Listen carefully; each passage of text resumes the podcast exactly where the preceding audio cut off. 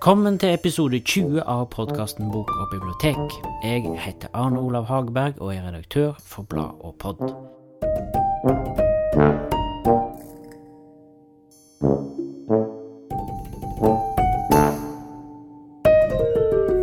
Snart skal du få høre fortellingen om Norges første dame med bibliotekarutdanning, Martha Larsen Jahn.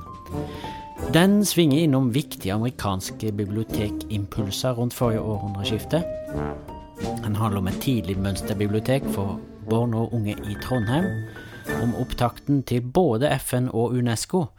Arkitekturstrid knytta til Universitetsbiblioteket i Oslo sitt nye bygg i Drammensveien, der Nasjonalbiblioteket holder hus i dag. Norske kvinners sanitetsforening.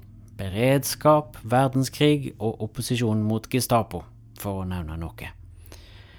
Men før vi snur i gang dagens episode, vil jeg bare fortelle om noe veldig spennende som dere kan være med på i Drammen den 19. til 21. juni i år, nemlig Kulturytring 2023. Denne festivalen har sett seg føre å bli for kulturfeltet, da Arendalsveka er for de hardere politikkområdene. Den har blitt arrangert en gang før, og det var i 2021, mens koronaen lå tungt over landet. Alle programpostene ble da gjort om til strømmearrangement, uten et menneske i salen. Jeg deltok i en panelsamtale da som representant for Skien bibliotek, der jeg jobba, og jeg husker at jeg fikk streng beskjed fra kultursjefen om å vaske nevene godt, ikke snakke med fremmede og komme rett hjem etterpå. Og på tross av dette, så både lærte jeg viktige ting og fikk nye kontakter jeg har hatt stor glede av etterpå. Altså, bare etter å stikke nesa innom ett enkelt arrangement. Så hvordan kan det ikke da bli i år? Arrangøren Norsk Kulturforum, eller NOKU, lover en skikkelig festivalstemning med over 100 faglige programposter og flere enn 50 kunst- og kulturarrangement. Om du spør meg, så skjer det aller viktigste onsdag den 21. juni, for da er Bok og bibliotek med å arrangere to ting. På Drammensbiblioteket klokka halv ti om morgenen inviterer vi sammen med arkivtidsskriftet Aksess og tidsskriftet Museum til en samtale om hverdagsmakt i arkivbibliotek og museum, med tittelen hva skal vi huske, og hva skal vi glemme? Da har vi vært så heldige å få sjølvaste Agnes Moxnes med som ordstyrer, og i panelet setter nasjonalbibliotekar Aslak Sira Myhre, biblioteksjef i Sarpsborg Anette Kure, førstekonservator ved Interkulturelt museum i Oslo Anders Bettum, Ann Tove Manshaus fra Vestfoldarkivet, Michelle Tistel, som er doktor i sosialantropologi fra Harvard University, og styreleder i foreningen INN, etniske minoriteter i norsk kulturliv, og Silje Dragsund Aase, som er arkivlærer i Misjons- og Diakoniarkivet ved VID vitenskapelige høgskole. Og litt senere på morgenen så skal vi ha live innspilling av en episode i podkastserien Forfatteren og favoritten, som vi lager i samarbeid med Porsgrunn bibliotek. Det er altså samme dag, onsdag 21. juni klokka tolv. Og da blir ingen ringere enn Arne Svingen intervjua på scenen av Stian Omland, vår faste programleder, og 17 år gamle Marie Sandvik. Det skjer på podkastscenen i første etasje på Drammensbiblioteket. Sommer og sol, Drammenselva, festivalstemning og godt innhold om bøker og bibliotek. Er det egentlig noe å lure på? Og når du først er der, så blir jeg veldig glad om du kommer bortom og sier hei. Men nå tilbake til Martha Larsen Jahn. Teksten er av Øyvind Frisvold fra serien Berømte bibliotekarer, som tusler og går i papirutgave av Bok og bibliotek. Nett denne her teksten sto på trykk i utgave to i fjor, og både den og de andre bidragene er òg råd å lese på nettsida vår bokogbibliotek.no. God fornøyelse.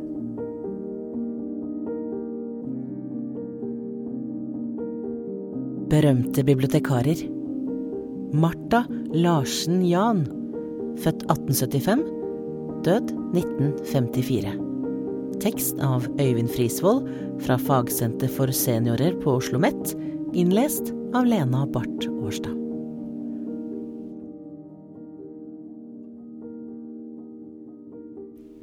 I 1902 kom Martha Larsen hjem til Norge som første kvinne med amerikansk bibliotekarutdanning. I vel ti aktive år var hun en driftig bibliotekreformator, men det var en helt annen innsats som førte til at hun ble kjent og fikk internasjonal anerkjennelse. Frøken Larsen sluttet å jobbe da hun ble gift i 1911. Det var ikke vanlig at fruer hadde lønnet arbeid. Larsen engasjerte seg da i stedet på helt andre fronter, som kvinnesak, internasjonalt fredsarbeid og Nasjonalhjelpen. Hun var leder av den norske avdelingen av Den internasjonale kvinneliga for fred og frihet, og møtte for Norge i Folkeforbundet, forløperen for FN. Hun la også et grunnlag for det, som senere ble UNESCO. Da hennes mann Gunnar Jan ble medlem av Nobelkomiteen i 1937, skal han ha sagt det må være feil, de må mene min kone. Det gikk over ti år før det kom kvinner i den komiteen. Likevel er det sannsynlig at fru Jan hadde, som det antydes i Norsk biografisk leksikon, en indirekte innflytelse på komiteens arbeid.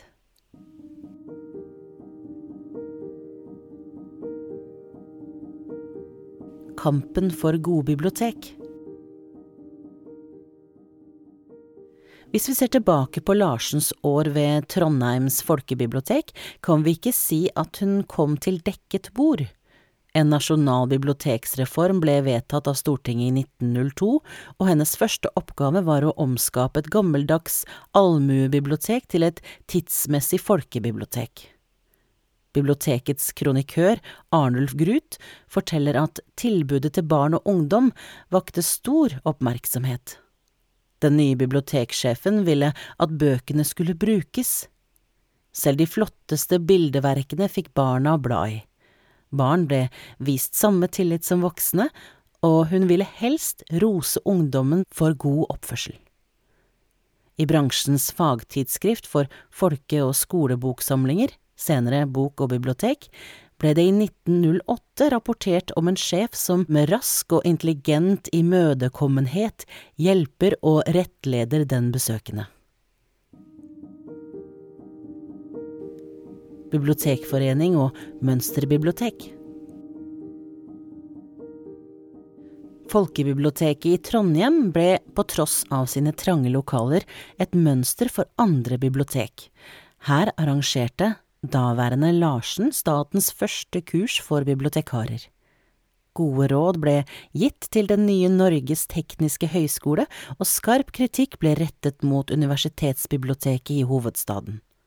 Planene for dette biblioteket bygget på gammeldags tysk tradisjon, og Larsen hevdet at arkitekt og biblioteksjef hadde oversatt den grunnleggende moderniseringen som skjedde i USA.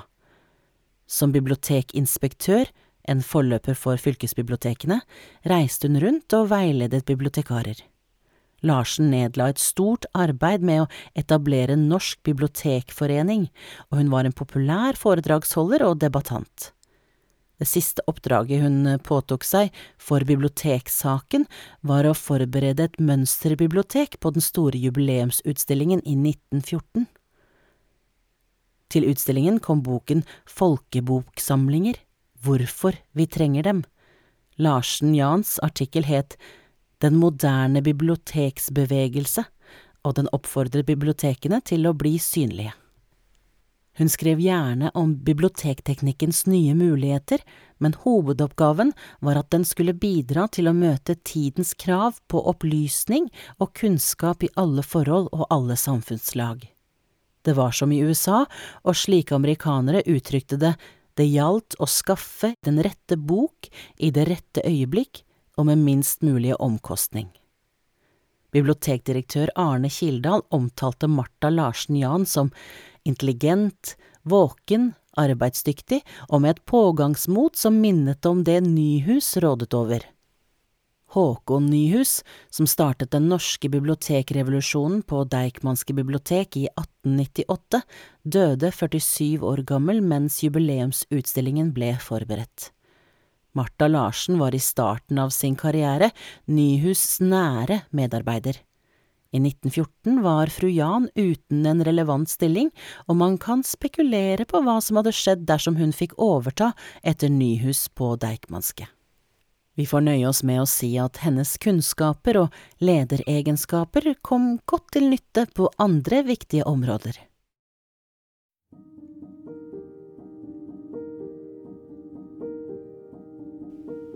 Krig og sanitet Nasjonalt kom hennes organisasjonstalent også til sin rett i Norske kvinners sanitetsforening. Fra 1935 til 1948 var hun øverste leder for over 1000 lokale foreninger og nesten 200 000 medlemmer. Organisasjonen ble startet for å støtte Forsvarets sanitet, men etter 1905 kom sivile oppgaver i sentrum – folkehelse, sykehus, helsestasjoner og utdanning av sykepleiere. Fra 1939 førte den politiske usikkerheten til at foreningen igjen arbeidet for krigsberedskapen. Kurs i førstehjelp hadde alltid vært en del av Sanitetsforeningens oppgaver. Nå kom kunnskapene til nytte. Foreningene samlet penger og produserte utstyr til Hæren. Ved krigsutbruddet 9. april kunne foreningene levere 159 feltlasaretter og førstehjelpsstasjoner med over 2000 senger rundt om i landet. Under krigen stilte foreningene med proviant, suppestasjoner og tøyutdeling ikke bare til barn, eldre og evakuerte. Mat og gavepakke ble i stillhet også gitt til hjemmefront og politiske fanger. Noen humanitære organisasjoner fikk fortsette under krigen, men det var en meget farlig balansegang. Gunnar Jan ble fengslet, og Martha sa senere til amerikanske studievenner at hun regnet med at Gestapo kunne komme igjen. Men hun gikk sterkt ut og truet nazistene med å legge ned hele virksomheten hvis de ikke fikk bevare sin uavhengighet. Jeg vet at dere kan ta fra oss våre institusjoner, dere kan ta våre penger og andre verdier, men hva dere ikke kan ta, er det frivillige arbeid av mer enn 200 000 kvinner. Martha Larsen var det vi ville kalt en kjendis, men hennes fremtreden var beskjeden. Hun oppfordret medlemmene til innsats, men som hun sa, la allting skje i stillhet. Journalist Haldis Stenhammar i Dagbladet slo fast at Martha Jan hadde oppdratt kvinner over hele landet til både å se, tenke og handle selv i det sosiale arbeid. 27.06.1946.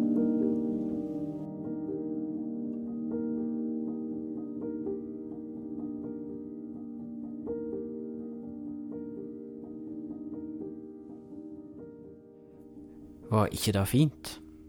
Og ikke minst imponerende.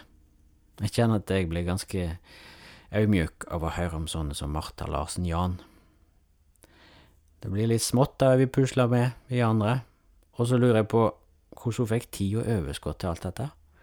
På toppen av alt så var hun nok òg en ivrig leser. Men kan du tenke, med veldig mange færre distraksjoner enn det vi må kjempe oss forbi på vei til bokhyllene. Det er jo greit å ha noe å skylde på. Jeg har i alle fall fått mye å tenke på, og det håper jeg du òg fikk. Og så høres vi igjen om 14 dager, da til en ny episode av Forfatteren og favoritten. Så får du ha det godt så lenge.